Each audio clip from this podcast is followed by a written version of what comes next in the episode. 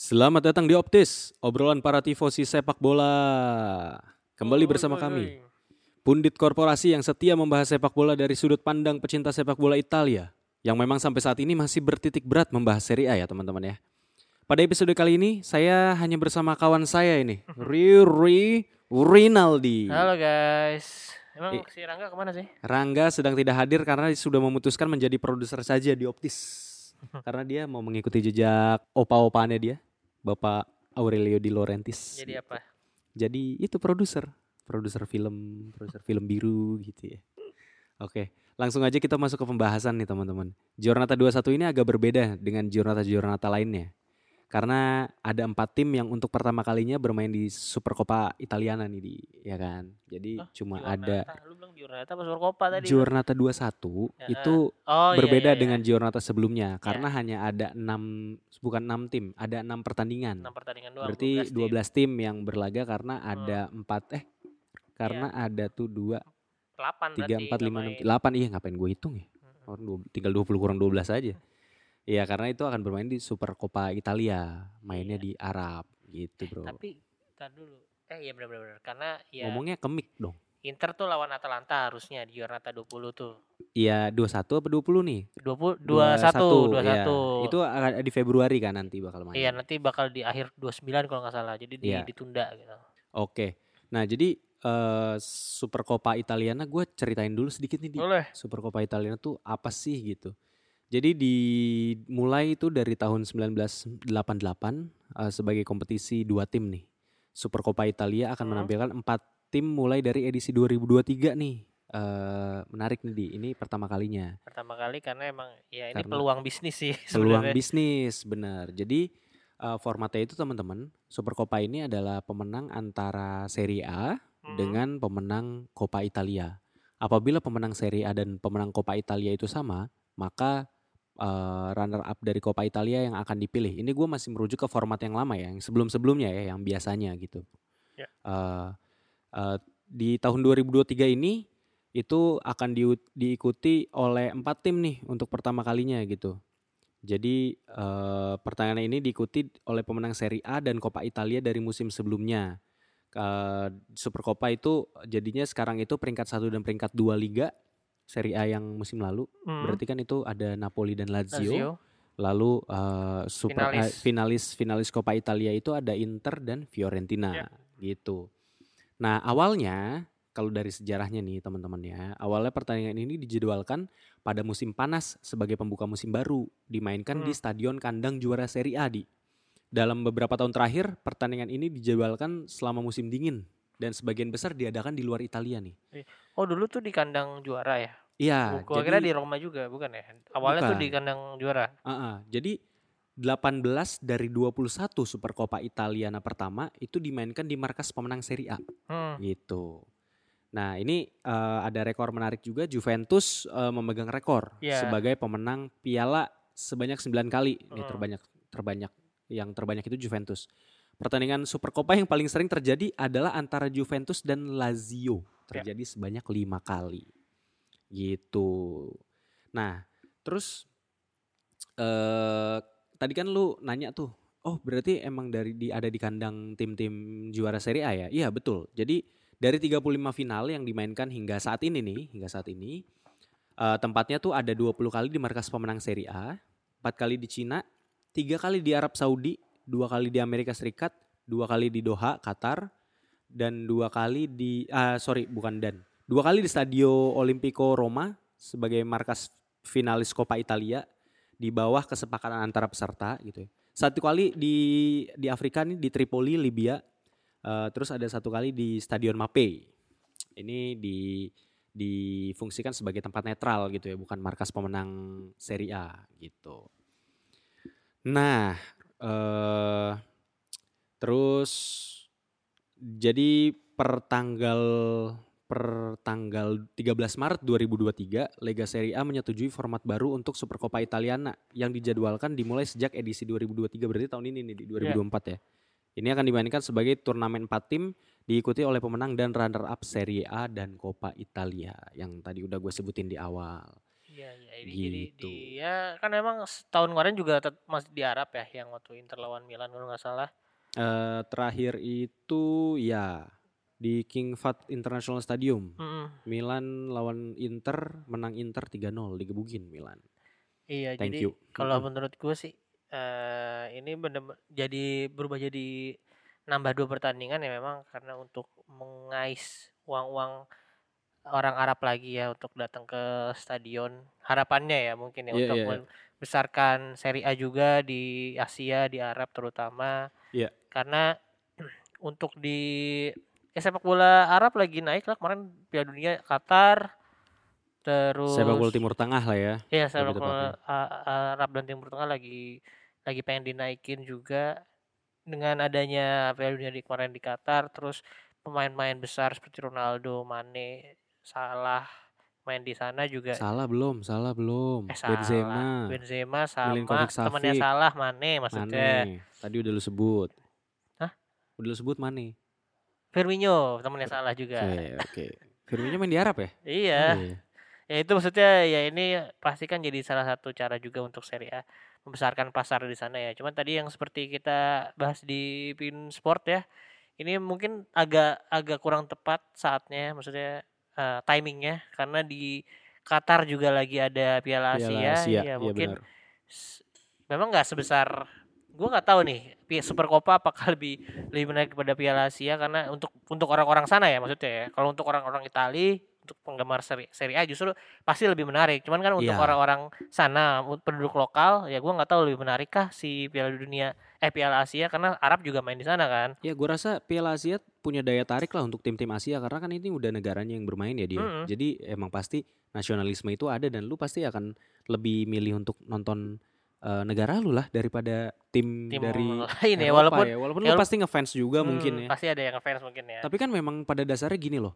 Pada dasarnya itu di Arab ya negara-negara Arab Timur Tengah sana sebenarnya kan nggak yang eh, kalau Arabnya ini gue ngomongin negara Arab ya sebenarnya sepak bola kan bukan yang Bukan. bukan, yang olahraga bener-bener populer gitu loh Hmm. di Qatar sendiri pun juga kayak cuma segelintir orang aja kan yang nonton bola dan ya mereka tuh pada cuek sebenarnya sebenarnya gitu ya kultur cuman, sepak iya, bolanya tuh hiburan doang, ada. iya hiburan. cuma jadi hiburan aja gitu Ya gue nggak tahu makanya ini bakal bakal sukses gak untuk penyelenggaranya ya. Ini kan karena duitnya yang masuk ke Copa Fre, Fre pokoknya sponsornya tuh Frekia Rosa apa apa gitu. Pokoknya kan itu penyelenggaranya ya. ya ya Ya kalau untuk tim pemenang sendiri tetap hadiah segitu-gitu aja karena pemen, kalau nggak salah hadiah pemenang musim ini itu nggak nyampe 10 juta pokoknya 8 koma atau 9 koma deh 9,3 atau sekian jadi bukan uang yang besar lah bukan ya uang yang besar Mm. untuk eh, hadiah pemenang gitu Oke, di tapi gue mau masuk nih ke kita beropini lah ya.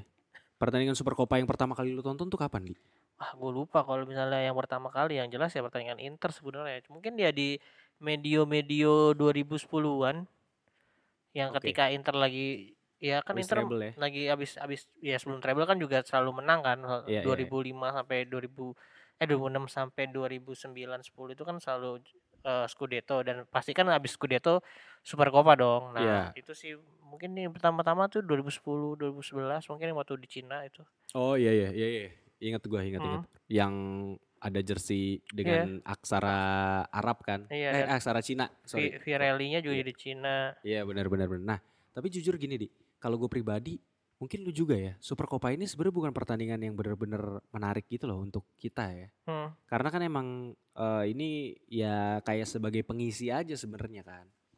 Eh, dan tim-tim yang bermain juga kan biasanya tim-tim yang juara-juara aja. Kalau gue pribadi sih emang nggak yang terlalu ngikutin ya Super Copa. Jadi kalau ada pertandingan Super Copa, gue tuh nggak yang kayak ah gue pengen nonton nih gitu. Kalau gue pribadi ya gitu. Walaupun sekalipun itu tim gue yang berlaga gitu. Tapi kalau balik lagi ke pertanyaan kapan pertama kali gue nonton Super Copa Italia, eh, kayaknya yang bener-bener gue inget tuh yang Milan lawan Juventus deh. Yang Milan lagi banter era tuh tahun 2016 kalau nggak salah ya, yang menang adu penalti itu waktu itu Hmm. kayaknya kayaknya kipernya Donnarumma baru debut deh Ta- tahun 2016 itu Di Qatar. iya yang yang di Qatar bener yang golin Bonaventura itu itu gue nonton tuh ya dramatis tuh ngangkat piala dan ya emang karena kagak ada piala lagi aja sih jadi akhirnya gue nonton gitu lebih ke terpaksa sih don nontonnya karena kayak ah, apalagi yang bisa dimenangkan oleh AC Milan gitu. Kalau nggak salah Milan waktu itu jadi juara Copa.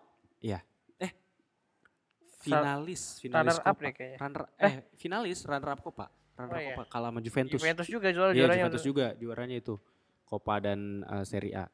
Nah kalau pertandingan Super Copa yang paling berkesan buat lu di ada nggak dari banyak gelaran Super Copa nih dari tahun Hmm. 88 kan? Yang paling menarik tuh yang mana yang paling lu ingat gitu? Pertandingan Inter yang kalah Iya, lawan Milan. Kalau kan? yang di akhir-akhir ini pasti gue inget ya. Cuman kalau mungkin yang udah lampau itu Berkesan ya, lah. Ah, ya, ya yang waktu gue lupa deh itu kalah kayaknya lawan Lazio itu udah di Cina juga tapi kayaknya belum pakai belum pakai jersey yang Cina itu. Nah yang yang 2011 itu baru tuh mainnya di Cina. Eh mainnya lawan Milan kalau nggak salah. Itu kalah juga Iya 2011 main, main, di Cina juga itu main di Cina Beijing National itu Stadium.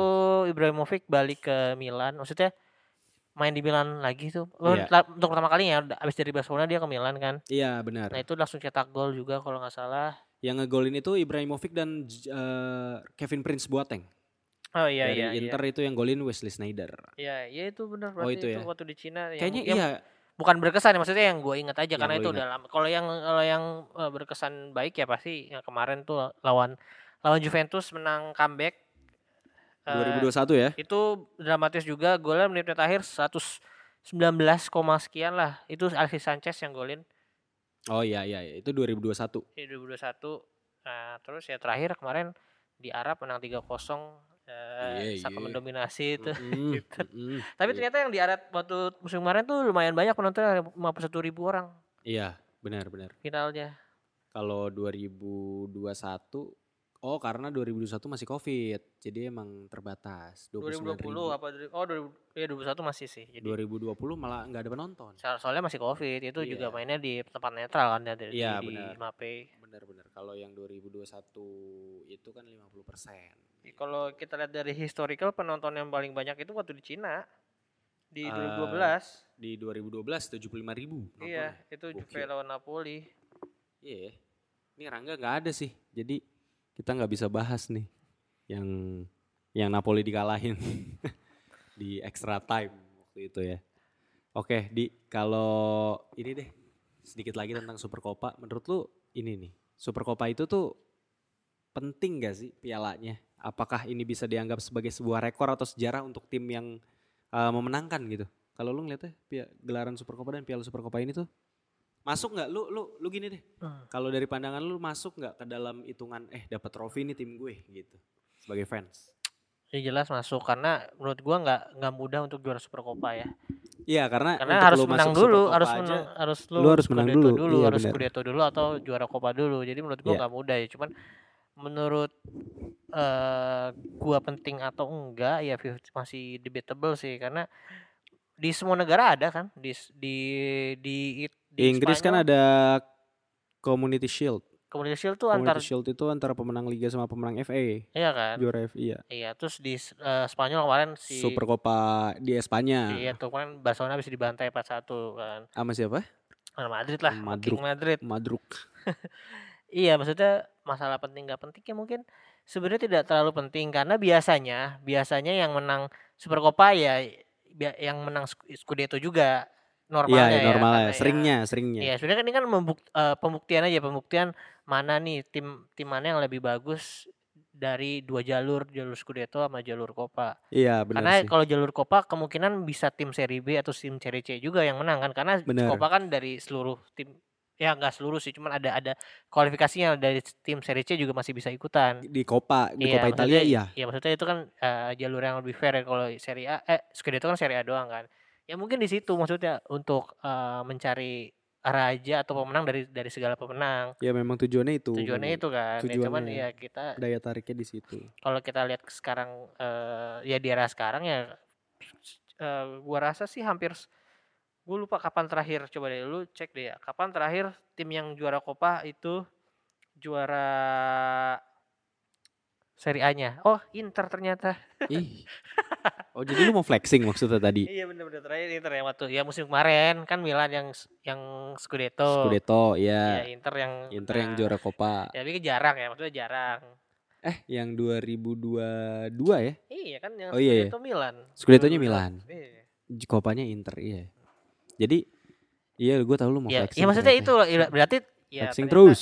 Ternyata itulah mencari rajanya dari dari jalur itu. Ya, ya, ya. pembuktian aja sih buk- pembuktian aja karena kalau dari dari uang dan prestige sebenarnya nggak terlalu nggak terlalu ini juga kan sejauh ini ya Iya. nggak nggak terlalu banyak yang menganggap ini prestige banget gitu Tapi kalau lu kan ini tim lu ada nih Inter di Hmm. Super Copa ya. Hmm. Lawan Lazio di pertandingan pertamanya. Itu kalau lu ngelihat Kanse tuh eh, gimana? Apakah lu ngerasa Inter bisa memenangkan ini dan perlu nggak Inter memenangkan ini di kalau dari kacamata lu sebagai sebagai Interisti?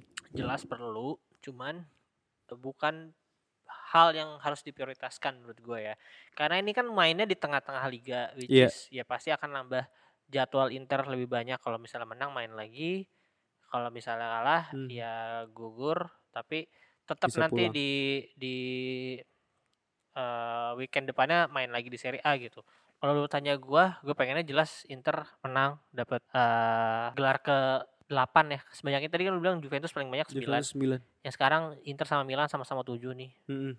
ya jadi ya untuk untuk koleksi gelar ya pas sangat sangat sangat berpengaruh lah maksud untuk Inter ke depannya juga tapi gua nggak pengen Inter memenangkan kompetisi ini dengan full tim Ah, eh, Iya, dengan bukan, ngorban bukan habis-habisan iya ya. bukan habis-habisan Hmm. maksudnya ya udah main biasa aja kalau bisa dengan main rotasi kalau menang alhamdulillah masuk final terus baru mulai mungkin agak diseriusin dikit kalau misalnya kalah ya udah nggak ada nggak masalah menurut gua Gue juga gue gue setuju eh, sama lu. Jadi kalau gua ngelihatnya Inter kalau misalnya memang kalah di Super Copa, semoga Interisti nggak yang ini ya, nggak yang ngamuk atau demand demand Mm, banget ke mm. Inter.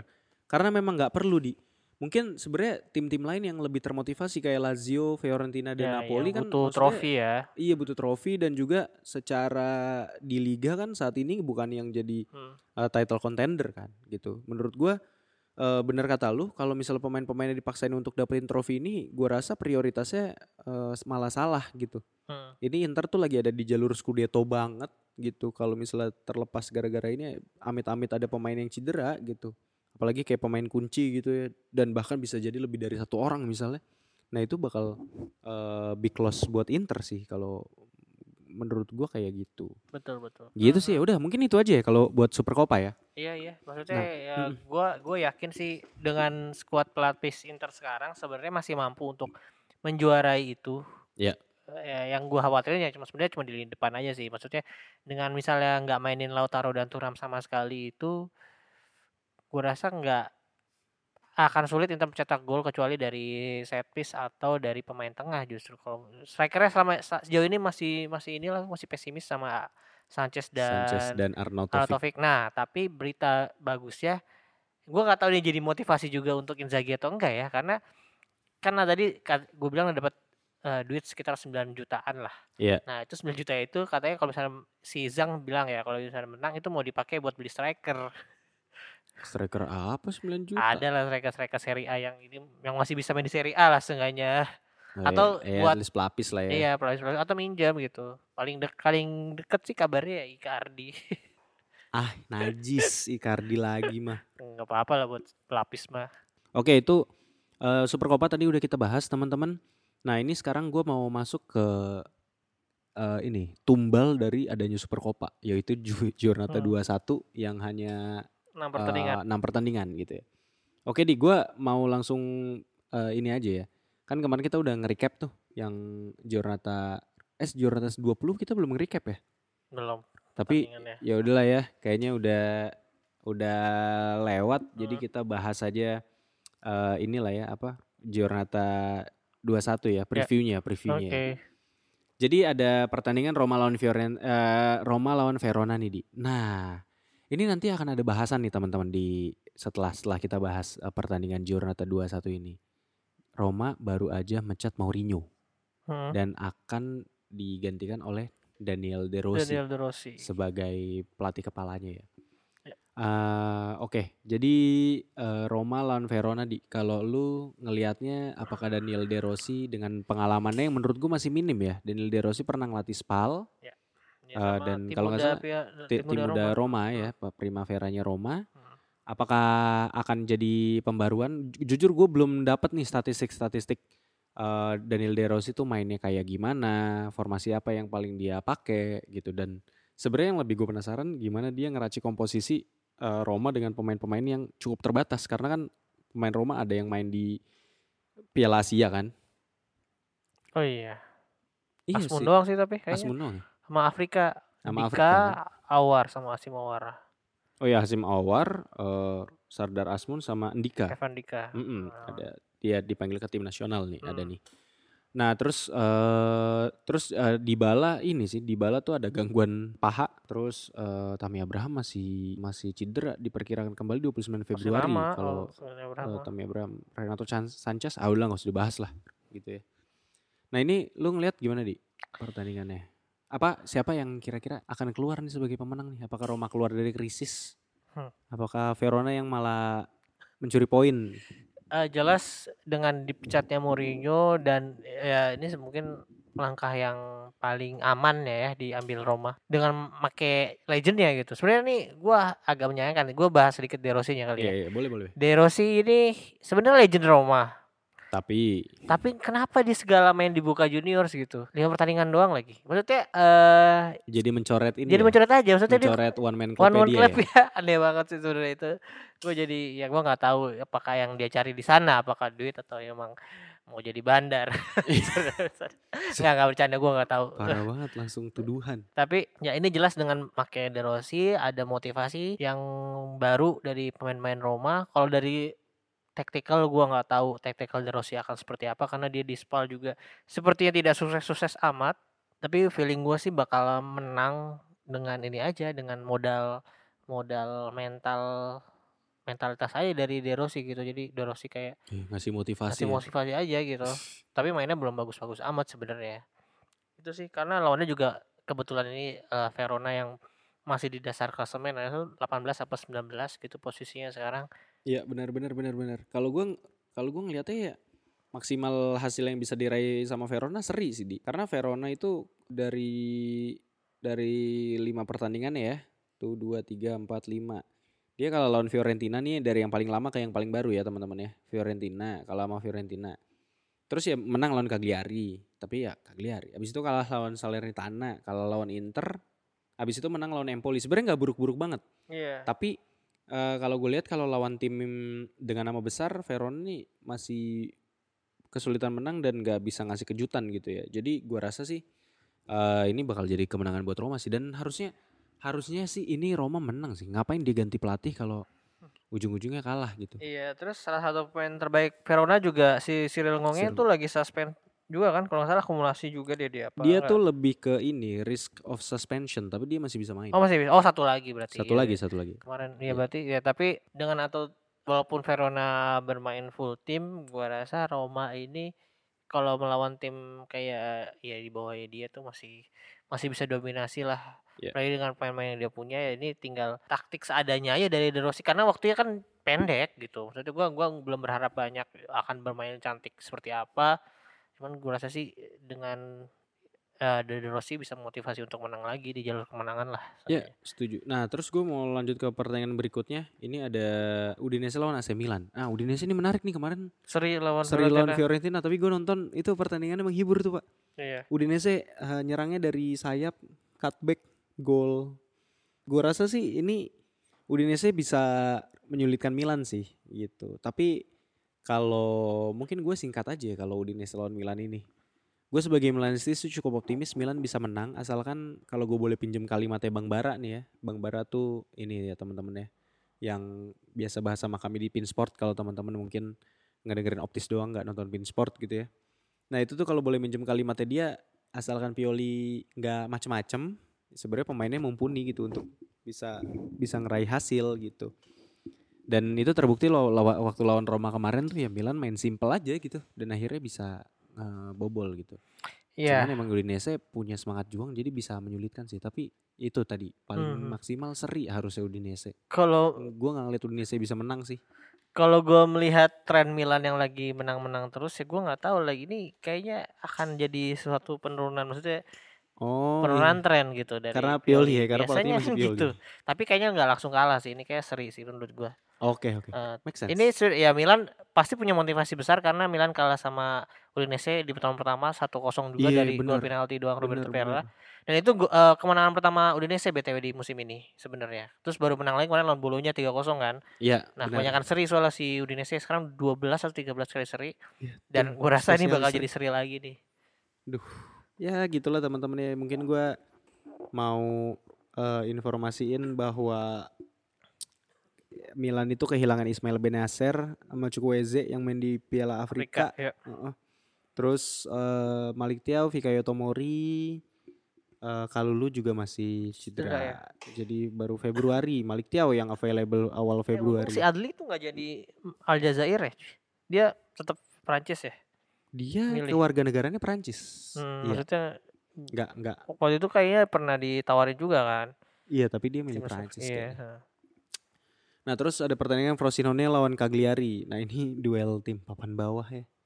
Kalau Hmm. mungkin gue singkat aja ya kalau Fro- Frosinone lawan Cagliari tuh kayaknya Frosinone itu lagi berantakan sih dia. Iya, kemarin Tapi habis bantai Cagliari- 5-0 sama Atlanta. Iya, tapi Cagliari juga nggak kalah berantakan nih. Ini Gua- Cagliari kemarin menang lawan Bolonya 2-1. Iya, gue harap Cagliari bisa menang sih. Maksudnya Hmm. ini eh, karena gue cukup eh, ngefans sama Tinkerman, sama Ranieri, ya biar jangan dipecat lah gitu.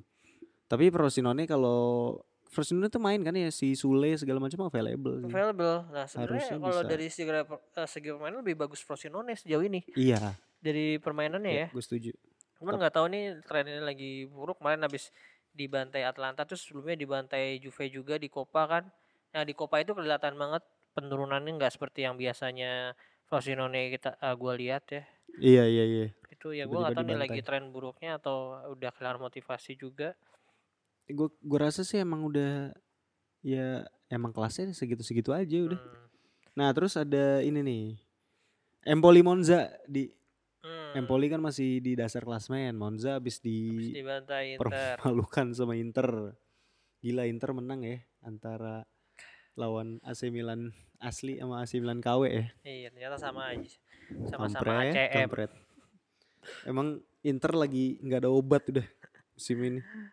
Tapi despite kemarin kekalahannya Monza ya, ya faktor utamanya memang di pertahanan dan lini tengah sih. Pertahanannya gua agak cukup kaget berani masang du- tiga mantan pemain Inter atau tiga-tiganya. Gelir dini. Ya terutama ini ditaruh di belakang yang menurut gue dia defensive awareness- awarenessnya jelek. Kalau Monza eh, nggak ngadi-ngadi maksudnya dengan yang seperti musim lalu atau di awal musim ini juga cukup baik. Harusnya sih bisa menang lawan si Empoli ya karena Empoli Iya. juga salah satu tim dengan cetak gol terendah musim ini kayak paling dikit deh sejauh ini. Tapi Empoli. Iya tapi gua rasa eh, kalau pertandingan kayak gini nih biasanya Empoli juga punya kans sih dan Hmm. nggak adanya di Gregorio tuh bener-bener pengaruh sih Nah sama itu gua nggak tahu komando dia, lini dia masih belakang. cedera nggak sih? Gua. Gregorio? Di Gregorio itu masih cedera dan expected returnnya itu tanggal 3 Februari. Oh, lumayan ya. Jadi gitu masih masih lama. Gianluca Caprari Am- sampai akhir musim kalau wah Caprari. itu sampai akhir musim cuy. Hmm. Terus Carboni. eh oh Carboni udah bisa main nih. itu itu Carboni Besok yang yang adenya eh Andrea, kakak kakaknya Andrea. apa adenya tuh yang Andrea boleh Carboni. yang masih cedera Mm-mm. kalau Valentin udah udah udah sehat sih kayaknya kemarin main juga kok lawan Inter Oke, berarti kita eh, setuju eh lu Gua lu sih bilang Monza, Monza gua sih. Empoli sih kalau gua. oke Ini ada Salernitana lawan Genoa. Aduh. Ini dipecat kayaknya Pipo nih. Kayaknya kalah lawan jangan Genoa. dulu lah jangan dulu gue pengen nunggu duel derby de Inzaghi dulu nih. Derby della Inzaghi ya. iya soalnya itu kayak pertengahan Februari tuh 17 atau berapa belas baru Inter ketemu Salernitana jadi gua harap tidak dipecat dulu Salernitana walaupun sekarang lagi dasar klasemen lawannya sebenarnya si Genoa lagi bagus juga ya dengan uh, Gudmundsson dan si Ekuban itu sebenarnya tapi ini Salernitana masih sulit sih menang lawan Genoa Iya, makanya kalah sih tapi semoga tidak dipecat gua ngejan- ngejagoin Genoa sih. Tapi tapi tapi ini pertandingan yang mungkin eh, peng- pengen gue tonton ya kalau nggak ngantuk ya. Hmm. Ini karena gue pengen ngeliat mainnya Salernitana sih udah udah beberapa udah sebulan kali gue nggak nggak ada ngeliat Salernitana main gitu. Tapi menariknya ini eh, sedikit dikit aja maksudnya si Gudmundsson ternyata pernah ke Indonesia loh. Waktu, Waktu main Islandia lawan Oh iya iya iya iya, iya. 5-1, Gue nonton gue nonton di ini, gue nonton di GBK itu. oh iya. Heeh. Ada tuh Gudmundsson golin ke Andre Tani. Ada ada ada. Yang kalau nggak salah menang 4-1 ya. Lima lima satu. Eh, 5-1 Lima satu salah. Yang kita ngegolin duluan itu, Iya. yang Hamuddin Armain yang golin. Iya. emang ya? Iya, nonton gua di GBK. Iya, itu Islandia peringkat berapa lah pokoknya itu masih itu Islandia lagi bagus-bagus Iya. itu. kan habis habis Piala Dunia dulu 18 eh Piala Rusia Euro, Euro. Rusia enggak Rusia Eh. juga main Piala Dunia tuh apa Euro ya gue lupa juga pokoknya, dia- Pokoknya gini deh, pokoknya gue nonton Iceland itu waktu awal GBK baru direnovasi. Hmm, Yang akhirnya bangkunya sekarang kan udah jadi inian semua, apa yang bangku lipat semua kan. oh iya Ya gue nontonnya di situ. Gue lupa itu pertandingan kapan. Pokoknya pas udah endingnya kita bareng-bareng sama eh, pemain dan staff Iceland tuh bikin itu Viking clap, iya itu yang Viking thunder clap biasanya gitu. ha. Yang hu, hu. Nah, ada ter- ini terakhir nih, terakhir pertandingannya Leke lawan Juventus. Nah, ini menarik. Juventus bisa jadi ngerebut posisi klasmen Serie A kalau menang. lawan Sassuolo aja belum saat kita ngetek ya Oh, iya, kita ngetek ini tuh ini teman-teman, kita ngetek ini tuh Selasa eh, tanggal 16 Januari. Iya. Jadi eh, Juve belum belum main lawan Sassuolo ya tiga rata 20 di Giornata 20. Iya, Iya, benar. Ini aduh, ini ini ini ini ini ini ini, ini, ini. tapi ah Juventus menang lah itu loh. Tapi lawan Sassuolo Sassuolo. lagi biasanya mesti sering menyulitkan eh sekarang mainnya di kandang Juve pakai- Enggak Juve tuh udah bagus cuy. iya iya Udah. sih Pak. Udah udah udah solid. Hmm, ya anggaplah misalnya menang terus eh, lawan Lecce menang lagi berarti dia akan unggul dari Inter satu poin Hmm. jadi ya ini emang harus dimanfaatkan ya kalau untuk Juve Harus. memang AC Milan juga harus bisa manfaatin sih, makanya gue berdoa Iya banget. untuk memangkas jarak karena ya gue bilang eh, ini kan Inter lawan Atalanta tuh bakal di 29 Februari ya coba Iya, agak lama. Jadi Lama. kalau misalnya Juve bisa menang-menang terus walaupun Inter yang menang-menang terus juga kan. Jadi dia tetap di atas dan memberikan tekanan walaupun Inter punya satu pertandingan tambahan Ya, yang yang betul, gue betul. takutin sih akan terjadi ke- kayak waktu Inter lawan Bolonya ya maksudnya karena ada tekanan harus menang kepleset lah Kepleset gitu. si siapa? Radu. Radu waktu itu ya. Aduh. ya gitu lah jadi intinya ya Juve lawan Lecce ini kemarin Lecce kalah Kalah sama lawan Lazio. iya tapi gue lihat Lecce eh Ada gerinta-gerintanya mah dan banyak peluang. banyak ya Dan- jadi eh akan alot ya hasil terbaik mungkin seri cuman eh, kayaknya bakal menangnya tipis juga sih Tapi lu tahu nggak kenapa Juventus itu cukup eh, jadi solid musim ini di?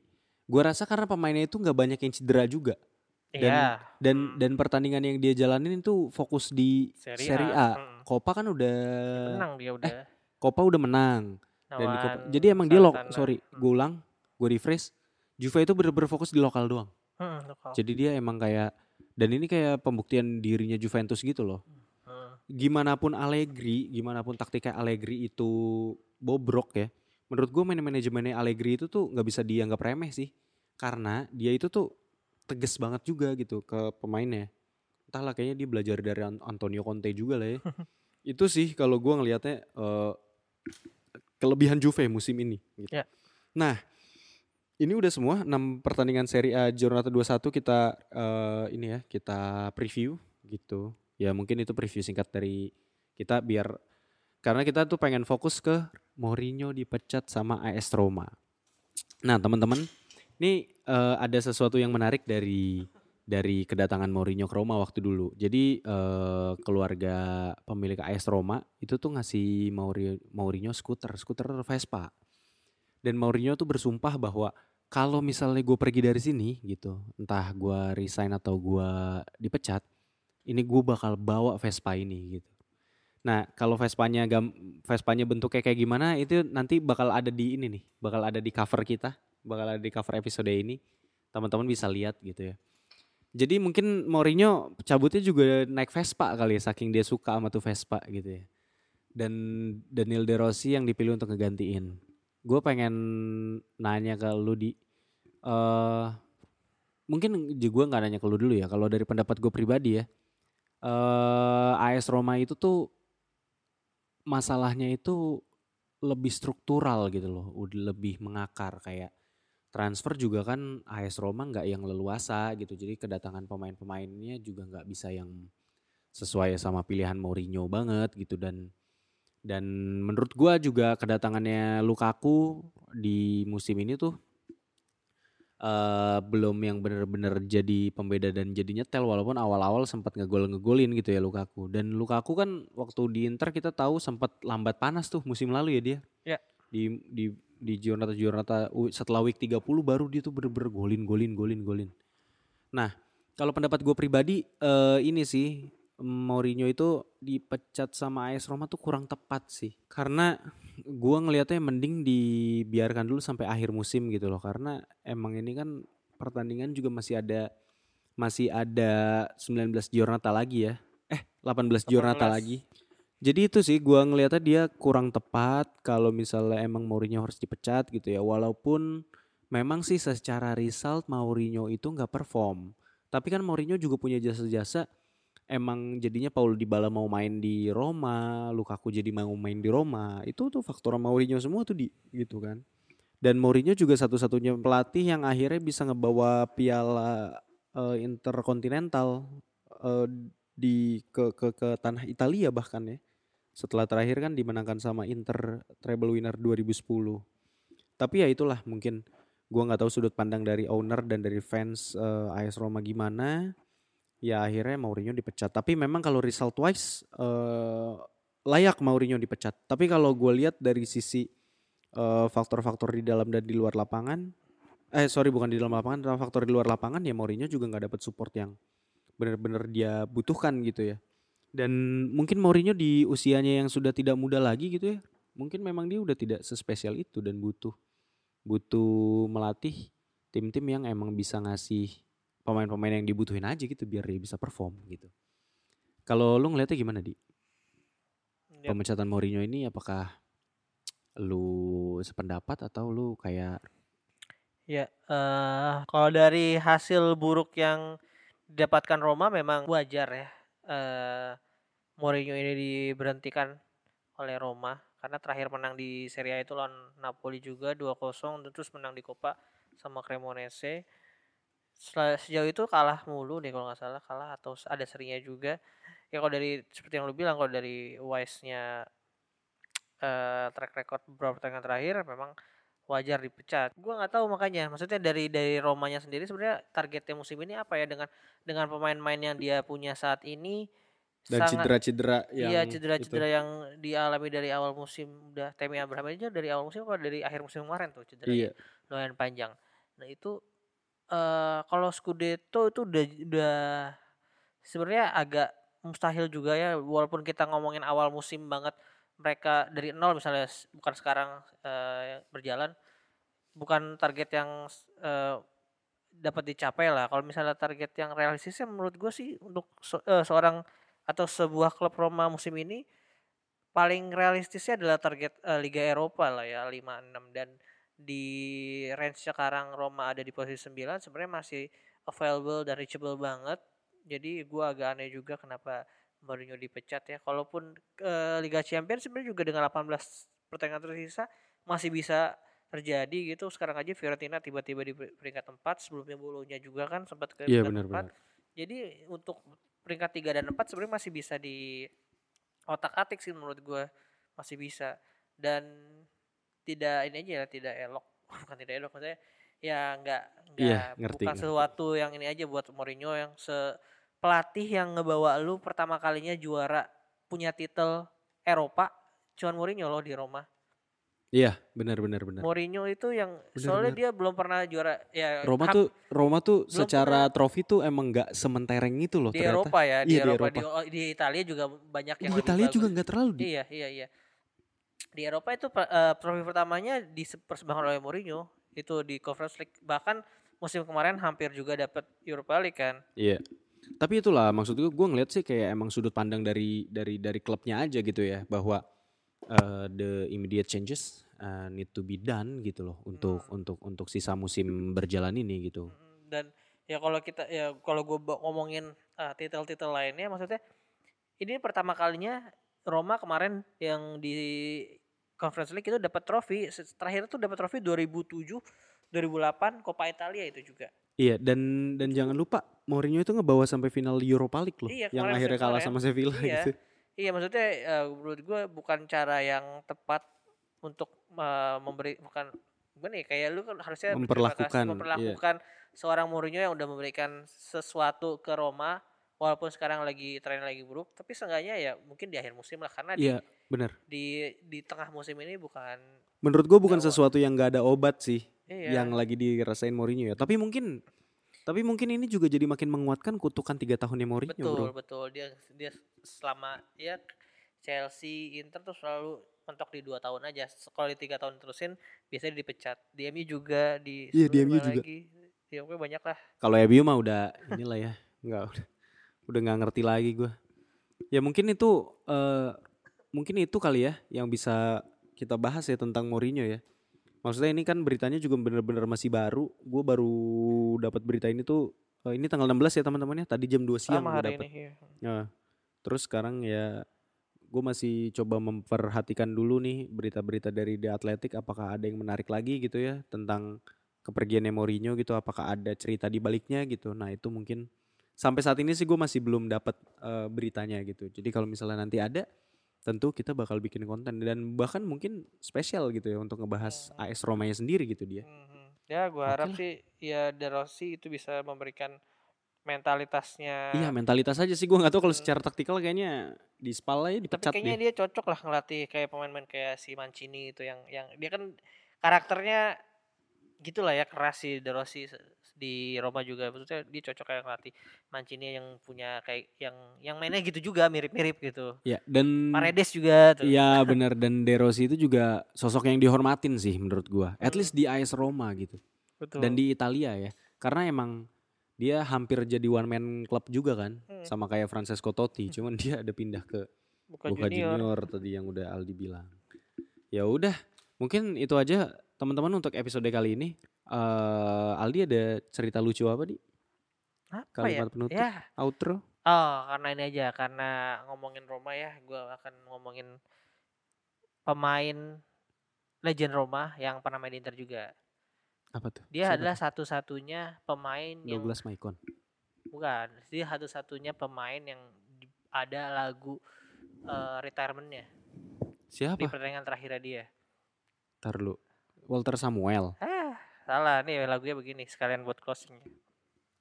Ini sebelum dia main pertandingan terakhirnya main ini diputerin lagu ini. Apa tuh lagu apa tuh? dengerin teman-teman. Malam ini malam terakhir Batistuta. Ya Allah, penting banget. Ya udah, itu aja teman-teman daripada kami makin ngaco.